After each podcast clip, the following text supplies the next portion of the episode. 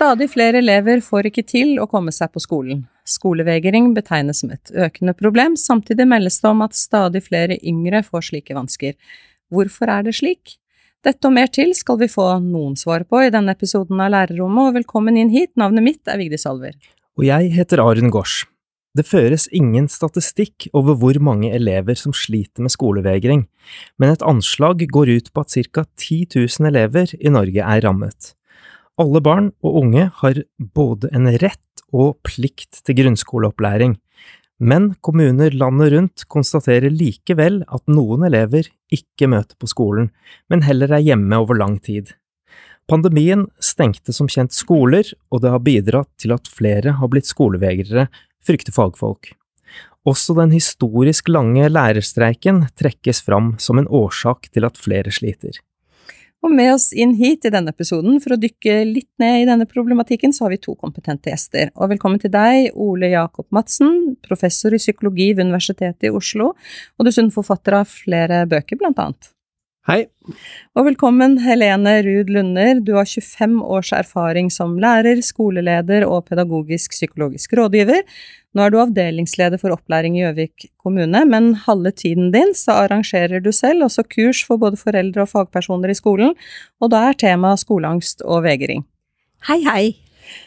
Og du har jo også en personlig historie som mor, med erfaringer med et barn som hadde utfordringer på skolen, hvor du tenkte at dette kunne utvikle seg. Kan du fortelle litt om dette? Ja, det kan jeg. Eh, jeg har eh, Jeg pleier å si at eh, da min sønn gikk i tredje klasse, så mm, frem til da så vi at her var det Han hadde strevsomme dager i skolehverdagen. Han hadde fått diagnose ADHD. Eh, det var også andre utfordringer som gjorde at skolen var veldig vanskelig. Og da han kom i tredje klasse, så foreslo da skolen at eh, nå skulle han få slippe teorifag, at han istedenfor skulle få lov til å være med vaktmesteren og fikse og ordne ting, og så kunne han gå på skolekjøkkenet og lage mat til de andre elevene kom dit. Eh, og jeg skjønte jo da, ettersom jeg sjøl var lærer, at dette var ingen ønskevei for min sønn. Jeg skjønte at nå står vi ved et veiskille jeg drømte jo om at han skulle få muligheten til å fullføre skolen sånn som alle de andre. Så jeg var veldig tydelig da på at eh, sønnen min han skal fortsatt ha opplæring, sånn som alle de andre i klassa. Jeg visste at det var en, eh, en tung vei, men jeg så også at han trengte ekstra hjelp og støtte på veien. Og jeg pleier å si at eh, når jeg gikk ut fra det møtet der, så etter det så har jeg vært en løvemamma. jeg har stått på og hatt som et veldig langsiktig mål å hjelpe min sønn da, til å fullføre og bestå skolen. Ja, vi skal seinere i episoden få høre hvordan det går med sønnen din nå, men du tok jo noen grep her og fikk hjelp til noen grep som foresatt, og kan du bare liksom fortelle grann, eller hva som var verst da det sto på? Ja, det som var aller vanskeligst, det var jo å stå i det eh, som eh, mamma, og i tillegg eh, så kjente jeg på en veldig skam og nederlag, for at jeg var både mamma og lærer, og enda så så jeg at sønnen min strevde så mye med skolen som det han gjorde. Eh, og så følte jeg meg veldig aleine. Klart vi var to foreldre om dette, men allikevel så følte jeg at jeg, jeg, den, jeg følte at jeg var den eneste. Og det er det veldig mange foreldre som forteller meg, at de sitter med samme følelsene. Eh, dette med skam, at jeg føler seg veldig aleine. Ja, for du har jo både skrevet og sagt at du var redd for at han kunne utvikle dette til eh, skolevegring, og gjennom kursene du holder nå, så har du mye kontakt med andre foresatte. og Hva, hva forteller de om barna sine som ikke klarer å gå på skolen, hva er det de trenger hjelp til? Du, jeg møter utrolig mange eh, fantastiske foreldre og som gjør alt de kan for å hjelpe egne barn eh, til skolemestring. Eh, det er fortvile foreldre som er veldig bekymret. Og igjen denne skamfølelsen, da, som eh, veldig, veldig mange har. Og de sier bare 'jeg ønsker jo å hjelpe, men jeg er så usikker på hva kan jeg gjøre'. Og det gjør jo at mange føler seg litt handlingslamme, eller sier at 'jeg har jo prøvd det aller meste, jeg veit ikke, hva gjør jeg nå'? Ole Jakob Madsen, jeg lurer på om jeg kan stiller et spørsmål til deg som er litt sånn oppfølging på dette som Lunder var inne på her. Dagens foreldregenerasjon, da de vokste opp, så, så, ble ikke elever hjemme fra skolen på denne måten. Eh, det ble i hvert fall ikke diskutert. Hvorfor er skolevegring blitt et problem nå?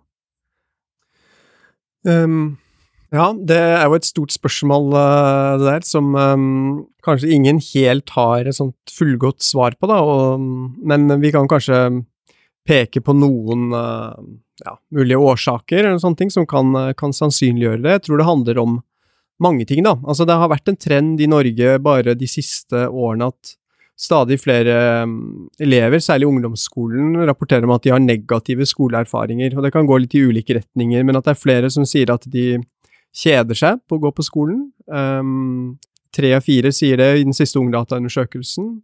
Um, to av fire sier at de opplever skolen som stressende, og én av fire sier at de gruer seg til å gå på skolen. Og også flere som sier at de føler at uh, læreren ikke ser de, eller at skolen ikke er et sted for dem. Altså, det har vært en, um, dessverre en litt sånn negativ utvikling da, bare de siste årene. Men hvis du ser sånn stort på det, så handler det nok også om at uh, det også har skjedd et skifte, kanskje, til at tidligere så var det sånn at uh, man gikk på nærskolen, det var ikke så veldig mye å skal si, diskutere, eller så mye, mye rom der, da, mens jeg tror kanskje synet på skolen også har endra seg med ja, at foreldre i dag stiller uh, større krav, tenker jeg, også til uh, også unge til dels, um, på de tjenestene som blir uh, levert, som jo, jo, er bra, men som kanskje også er med på å gjøre at flere også velger å holde barna hjemme hvis ikke, um, hvis ikke det er en mulighet. Og så er det vel også må man nok også kanskje trekke fram den teknologiske utviklingen. altså at ikke som en årsak i seg selv, tror jeg, men som en opprettholdende faktor. Da. Så det er, eh, skolen har fått flere konkurrenter enn tidligere, uh, som også kan tilby mestring, fellesskap, tilhørighet, som den ikke hadde tidligere. Da var det, tror jeg mange opplevde det som en uh, enda større straff å, å, være hjemme enn å være i skolen.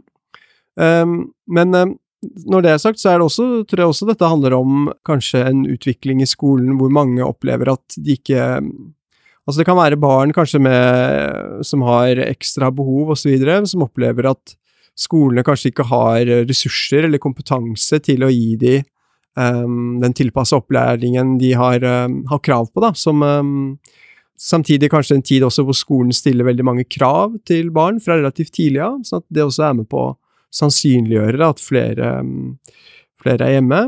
Og en siste ting grunn kan jo rett og slett være også at vi presser flere unge gjennom utdanningssystemet i dag enn tidligere. Altså, skal ikke gå så veldig langt tilbake, kanskje, hvor det var flere muligheter for uh, unge å si, gå rett på arbeidslivet, da, dra til, dra til sjøs eller stå i butikk, for å si det mm. enkelt, mens i dag så må du ha um, utdanning og papirer på nær sagt alt, da skal du komme noe sted, så det en naturlig konsekvens at vi skal ha flere gjennom systemet, kan også være at flere, flere faller fra, da. Mm. Du, i din siste bok, Skolevegringsmysteriet, så står det at alle kan bli skolevegere. Hva mener du med det?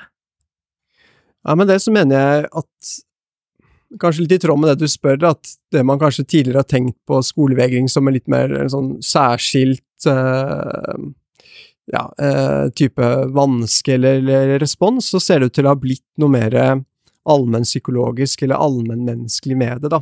Sånn at selv om veiene inn til skolevegring kan være veldig mange forskjellige og veldig mange ulike historier og skal jeg si, vansker, sårbarheter eh, osv., så, så er det kanskje likevel noe allment med en sånn type respons da, hvor man skal si, trekker, seg, trekker seg tilbake. Da. Så, sånn sett så kan man kanskje si at det, selv om vi har kalt boka 'Skolevegringsmysteriet', så er det egentlig ikke så mystisk noen ganger. Altså, det er på en måte også barns og unges på en måte beskyttelsesrespons da, på um, en hverdag som de ikke opplever som så veldig grei, eller kanskje de opplever som utrygg, eller hvor de opplever lav grad av mestring, da. Um, og da er, eh, er, det kanskje nærliggende å trekke seg tilbake til, til hjemmet eller til gutter i jenterommet.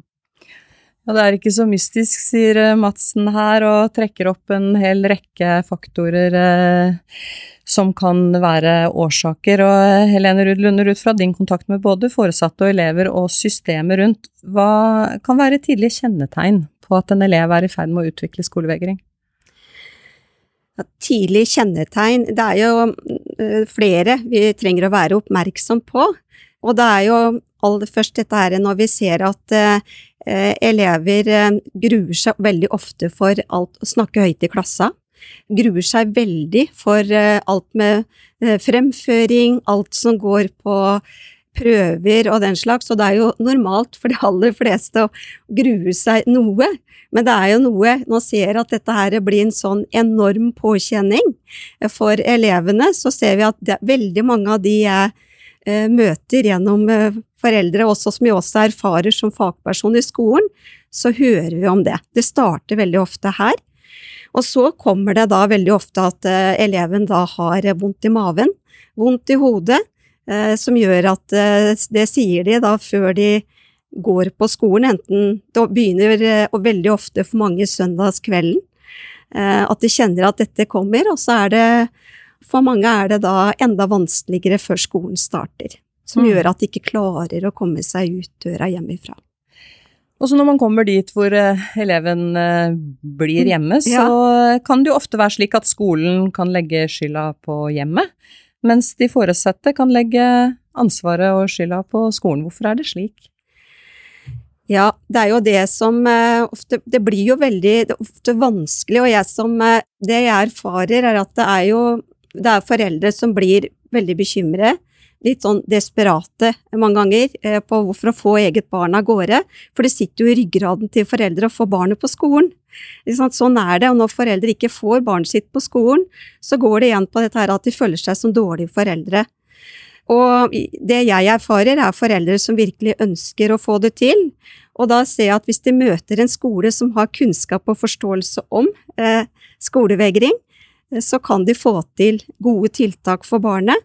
Men dersom skolen ikke har den kompetansen som de trenger, så er det veldig fort at skolen sier ja, vi har, nå har vi gjort så mye, vi får ikke gjort noe mer, det må være noe hjemme.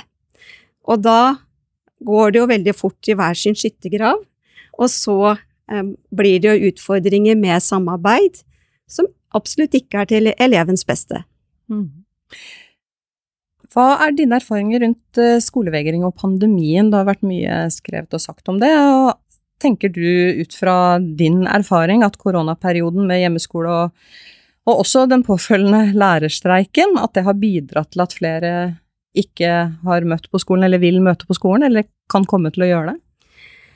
Ja, jeg har merket en veldig stor pågang av foreldre som har, eh, sender bekymringsmeldinger eh, til meg, eh, som lurer på hva er det At de står fast. Eh, Så jeg merker en stor økning. For noen par-tre år tilbake så kunne det være litt andre vansker som, var, eh, som de tok kontakt for. Nå er det de aller fleste så er det at de står oppi dette her, eget barn som nå har vansker med å gå på skolen. Og jeg tok en rask sjekk nå før jeg gikk inn her i dag, for jeg har jo en Facebook-gruppe hvor foreldre kan bli med som er åpne for alle. Og der stiller jeg et par spørsmål om hva som er hovedgrunnen til at de ønsker å inn. Og der står det jo, der er det, så jeg nå i løpet av to dager, så tror jeg jeg har fått en 25 nye henvendelser. Og der er det jo dette her bekymring. Barnet mitt eh, sier at den føler seg utrygg, vil ikke gå, vondt i maven. Ja, det er alle disse her vanlige kjennetegnene. Du, eh, Madsen, hva tenker du om dette som Lunder nå var inne på, dette her med, med liksom hvem som har skylda for eh, skolevegring, altså den trekningen mellom hjem og, og skole, eh, at det blir på en måte sånn skyttergravskrig? Ja, nei, jeg tenker at det nok er tilfellet i um, en del saker, og at det er veldig uheldig. Um, men jeg tror det er uh, dessverre lett for at det blir sånn, kanskje fordi skolevegring er jo gjerne et sånn veldig sammensatt problem. Altså, I boka så siterer vi en psykolog som sier at det problemet på en måte alle eller ingen eier. Og jeg har selv også erfart, når jeg jobba som psykolog tidligere, å sitte i sånne store samarbeidsmøter hvor det er en masse instanser inne, så sitter man på et sånt, et sånt rundbord, da, og da, da får det gjerne en sånn Det kan fort bli en sånn logikk, altså som om man på en måte sitter med en sånn noe som brenner, og så vil man forsøke å kaste det eh, raskest mulig fra seg. Altså eh, og, og bli fornøyd liksom hvis man får plassert, skal si, ansvaret over på, på noen andre. Jeg sier ikke at, og jeg tror ikke det skyldes noen vond vilje, men at det, det dessverre kan bli en sånn type logikk, da. Og mm, bare etter at vi har uh, ga ut den boka tidligere i år også, så har jeg jo merka meg at det, virker som det kan være ganske sånn ja, relativt uh, harde fronter mellom foreldre og skole som, som skylder på hverandre, ikke sant. Det er jo for eksempel også en ganske sånn eh, stor debatt bare om man i hele tatt skal kunne kalle det skolevegring, eller man heller burde kalle det for skoleeksklusjon, for eksempel. Og bare der ligger det jo to veldig ulike virkelighetsoppfatninger, kanskje, um, av hvem som har skyld eller årsaker, da. Men det man vel ofte ser, er at uh, Altså at, at, det blir en sånn um, uheldig, liksom litt sånn svarteper-spesialek, uh, da, og at Skal vi si uh, jeg skulle ønske kanskje at man kunne komme litt videre fra den her tanken om at uh, Altså at man blander sammen liksom skyld og årsak noen ganger, da. Altså, det, jeg tror nesten aldri det er noe poeng å skulle gi for eksempel foreldrene skylda, men de er jo veldig sentrale i barns liv, så de, det er jo nærliggende å tenke seg at de også vil være en del av løsningen, ikke sant, eller er en, utrolig viktig samarbeidspartner, eller, eller læreren for den saks, uten at man med det sier at man legger skyld over på på vedkommende. Da. Så der, um, der har vi kanskje noen utfordringer, tror jeg, for å komme, komme videre. Men dessverre kanskje det er ofte det som er et av problemene når disse sakene blir fastlåste, og kommunikasjonen bryter ned, kanskje mellom skole og hjem, for eksempel, som vel også skjer i en del av disse sakene. Mm. Ofte er jo fokuset her på at eleven har problemer eller diagnoser, og derfor ikke kommer på skolen, men, men hva om det er skolen i seg selv som er problemet? Ja, eh, og det tror jeg skal si eh, kan være, være helt reelt eh, noen ganger, da.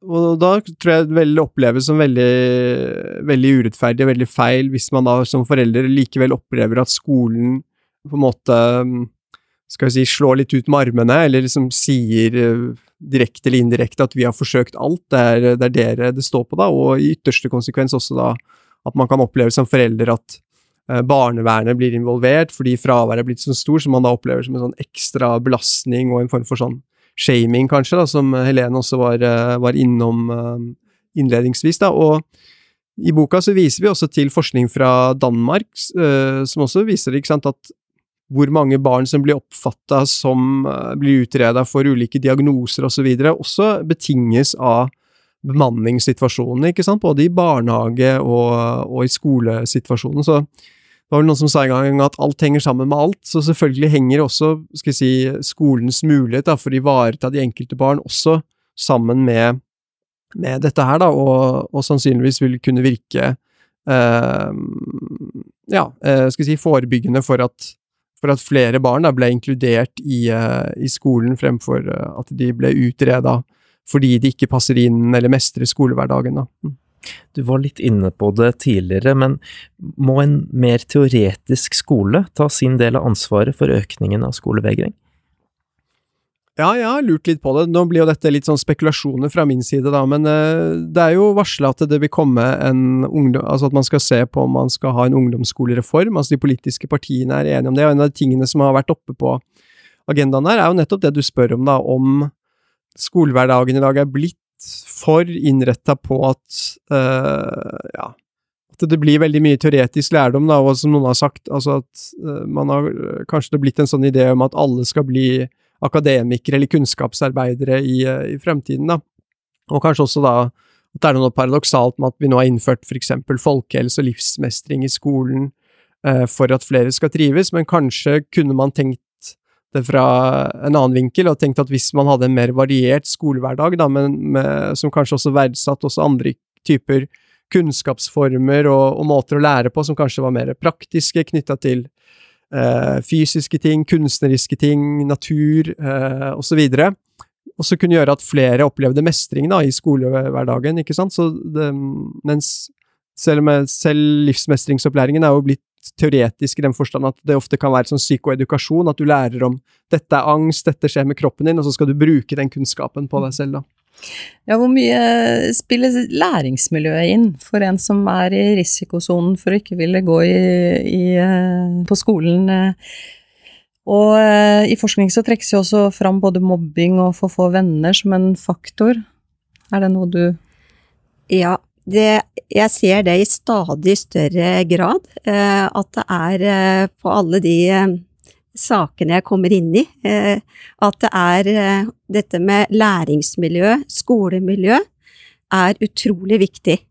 Og veldig mange av de eh, sakene jeg er inne i, som vi begynner, og vi begynner alltid å grave, finner ut hva er det som er hva, for jeg tenker vi må starte med en kartlegging. Hva er det som gjør at denne eleven her har utfordringer? For det kan jo være, sånn som det er blitt sagt også fra Ole Jakob her, det er jo så mange grunner til. Så, og da er det veldig ofte, kommer vi frem til at det er eh, elever som er utrygge i skolehverdagen. Eh, veldig mange opplever mobbing. At det er klassemiljø som er dårlig, veldig mye bråk. Og det er klart, dette viser jo undersøkelser at det påvirker jo elevene på en negativ måte. Eh, og at eh, ting henger veldig ofte i hop, da. Og det er ikke så For litt tid tilbake, eller ett eksempel på en eh, fortvile, fortvile foreldre som fortalte om at de hadde en gutt som nå har, gikk i tredje klasse, det var litt tidligere i høst, som hadde hatt vansker siden han startet i første klasse, opplevde at det var utrygt i skolehverdagen, syntes det var kjempevanskelig denne overgangen fra barnehage med større enheter og også har blitt mobbe, da, kom det frem etter hvert. Og nå sa nå sitter vi jo der med en gutt som nå som ikke vil på skolen. Og hva gjør vi nå? Det er jo så mange år igjen. Ja, og du var jo inne på det i sted, altså skoler som har riktig kompetanse til å hjelpe til mm. å gjøre grep her, og skoler som ikke har det. Og hvilke fagfolk eller hvilket apparat bør være på plass på skolene for at elever raskest mulig skal komme tilbake, eller at man skal slippe at de at de helst vil være hjemme? Det er jo et veldig viktig spørsmål og viktig tema. Eh, jeg erfarer jo at vi har så mange dyktige fagpersoner rundt omkring i skolene våre, så det er, ikke, det er først og fremst at de trenger kompetanse. Og jeg har veldig mange lærere som tar kontakt med meg og sier kan du, jeg trenger å forstå, jeg trenger opplæring, jeg trenger å, om hvordan jeg kan møte elevene mine.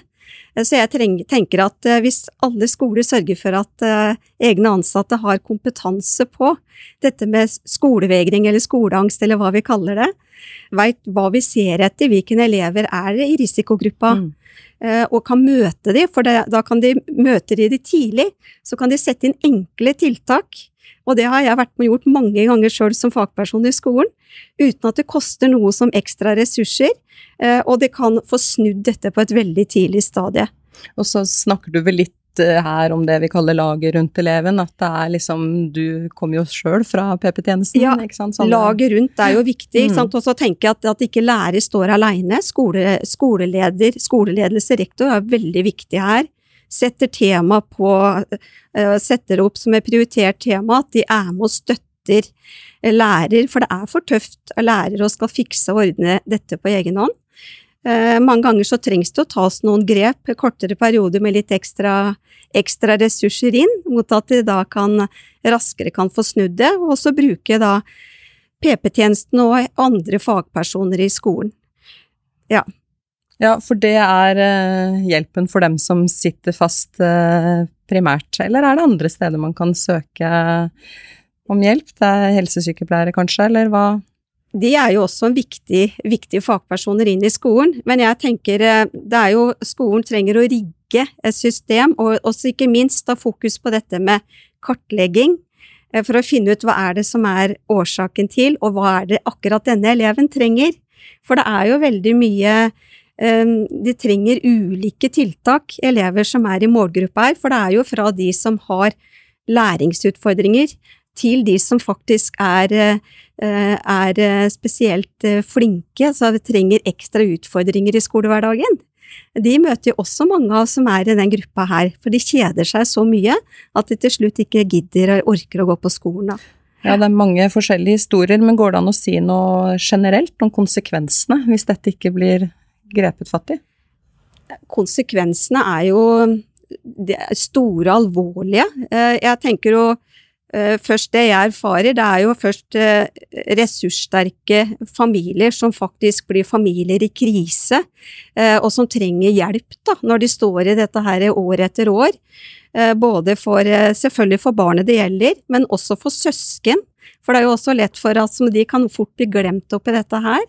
Og foreldre som er utslitt, jeg møter utrolig mange, særlig mammaer, som er eh, utslitt, utbrent og blitt sjukmeldt over lange perioder.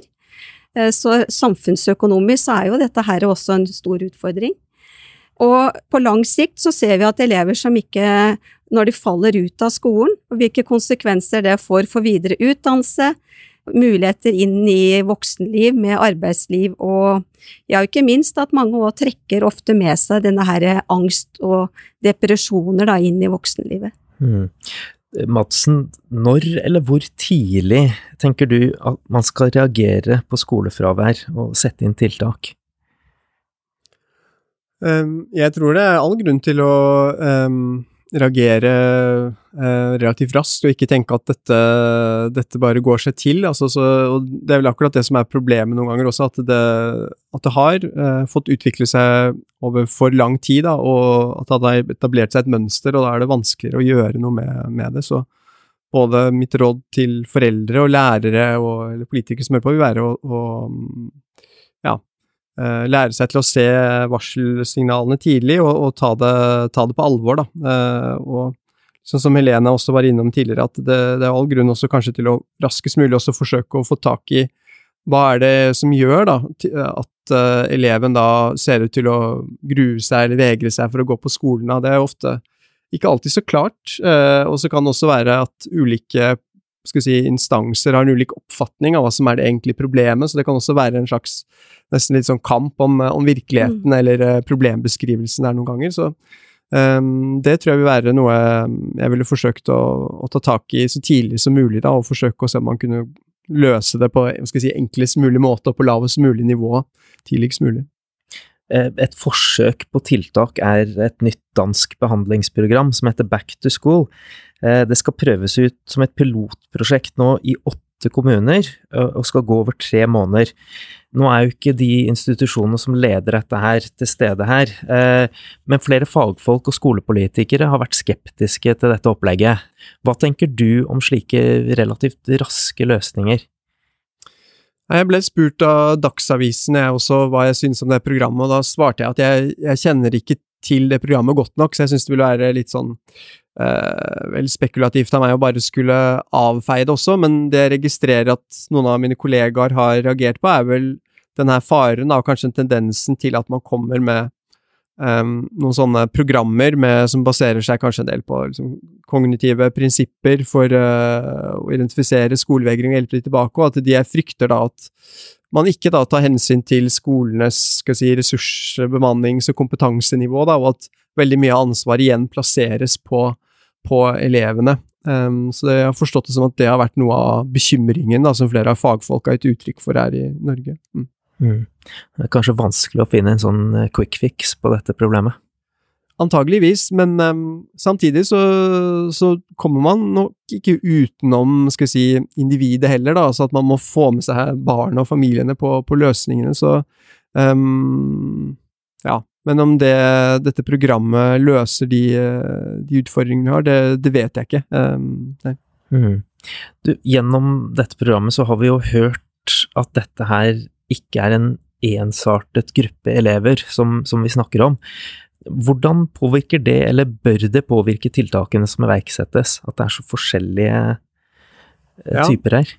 Det jeg håper da, er kanskje at si, ledende politikere ser at dette ikke bare er individuelle fortellinger om barn som ikke vil gå på skolen, som jeg syns har dominert en god del av måten dette har blitt tematisert for da, i, i media inntil ganske nylig. Uh, og så er det kanskje noen ganger sånne suksesshistorier hvor noen har kommet seg tilbake og fått hjelp, og det er jo veldig bra, men at man også må snakke om dette som et samfunnsproblem da, og en type systemkrise. Sånn som vi har snakka om i det programmet, her, at selv om veiene og de ulike barna kan være veldig forskjellige, og det kan være alt fra sosiale til faglige ting de reagerer på og trekker seg tilbake på. Da. Og så, så er det likevel noe liksom, et varskosignal da, hvis stadig flere barn og unge trekker seg tilbake fra skolen som en sånn fellesskapsarena. at det det må man se på som, som et tydelig signal om at mistrivselen øker da, med skolen, at vi kanskje har skapt noen litt for sånn snevne, snevre rammer for uh, hvem som opplever mestring og, og tilhørighet i skolen, um, og at dette også må tas med i denne ungdomsskolereformen. Da.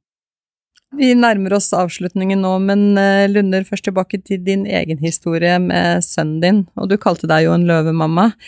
Hvordan går det med han nå? Du, det går uh, mye bedre han, uh, enn vi hadde trodd og håpet på. Han klarte å fullføre og bestå videregående skole. han har nå gjennomført studier, er i, er i, utdannelse og fått en for han som er drømmejobb. og det er litt tidligere i høst så kom jeg tilbake og sa takke meg for at jeg hadde stått på som han det nå, at uten at han hadde fått muligheten til å fullføre og bestå videregående skole, så hadde dette blitt en mye, mye tyngre vei. Det hadde ikke vært umulig, men det hadde vært eh, eh Ja, så, så, er, så, jeg er veldig stolt av hva han har eh, fått til. Eh, Madsen, helt til slutt, kan du forsøke å se litt framover i tid? Altså, hvordan tror du skolevegringsproblematikken vil utvikle seg framover? Um, ja. Det er vanskelig å skulle spå om fremtiden, da, men uh, man kan jo kanskje håpe, eller være optimistisk og tenke at nå er det mye Har det vært mye fokus på det? Altså Jeg har selv fått vært med i et sånt møte med Tonje Brenna, kunnskapsministeren, som var tydelig opptatt av dette her. Så jeg opplever i hvert fall at det er på, på agendaen da, på en helt annen måte enn tidligere. Men om det er nok til å, til å endre det eller bremse negativ uh, utvikling, gjenstår jo å se, da. Men uh, jeg håper i hvert fall at vi kan få bedre um, en bedre forståelse av det, sånn at man kommer seg vekk da fra denne ja, å legge skylden på foreldrene, eller denne skyttergravskrigen hvor, uh, hvor, skolen skylder på foreldre, og foreldre skylder på skolen, og det blir veldig sånn fastløste konflikter, og barna, barna lider, da. At og at det blir også løfta eh, opp på et litt større nivå, at man diskuterer det også ut ifra eh, ressurssituasjonen i skolen, og også kompetansenivået blant lærere og de som jobber, eh, jobber i skolen, som jeg jo også forsto var noe av det man streika for. Um, ikke sant? Så at dette også er på en måte et politisk spørsmål, da, ikke bare ses på som en sånn mystisk Eh, individuell respons hos enkelte barn, men på en måte er mer konsekvenser av hvordan vi har valgt å innrette oss, og mm, hvordan skolen blir organisert. da.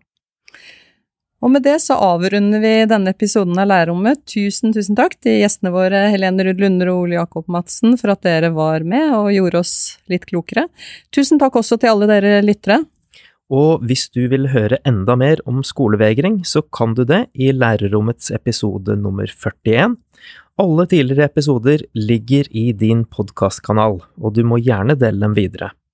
Vi er snart tilbake med en ny episode hentet fra utdanningsfeltet. Nå sier Vigdis og jeg ha det bra. Ha det!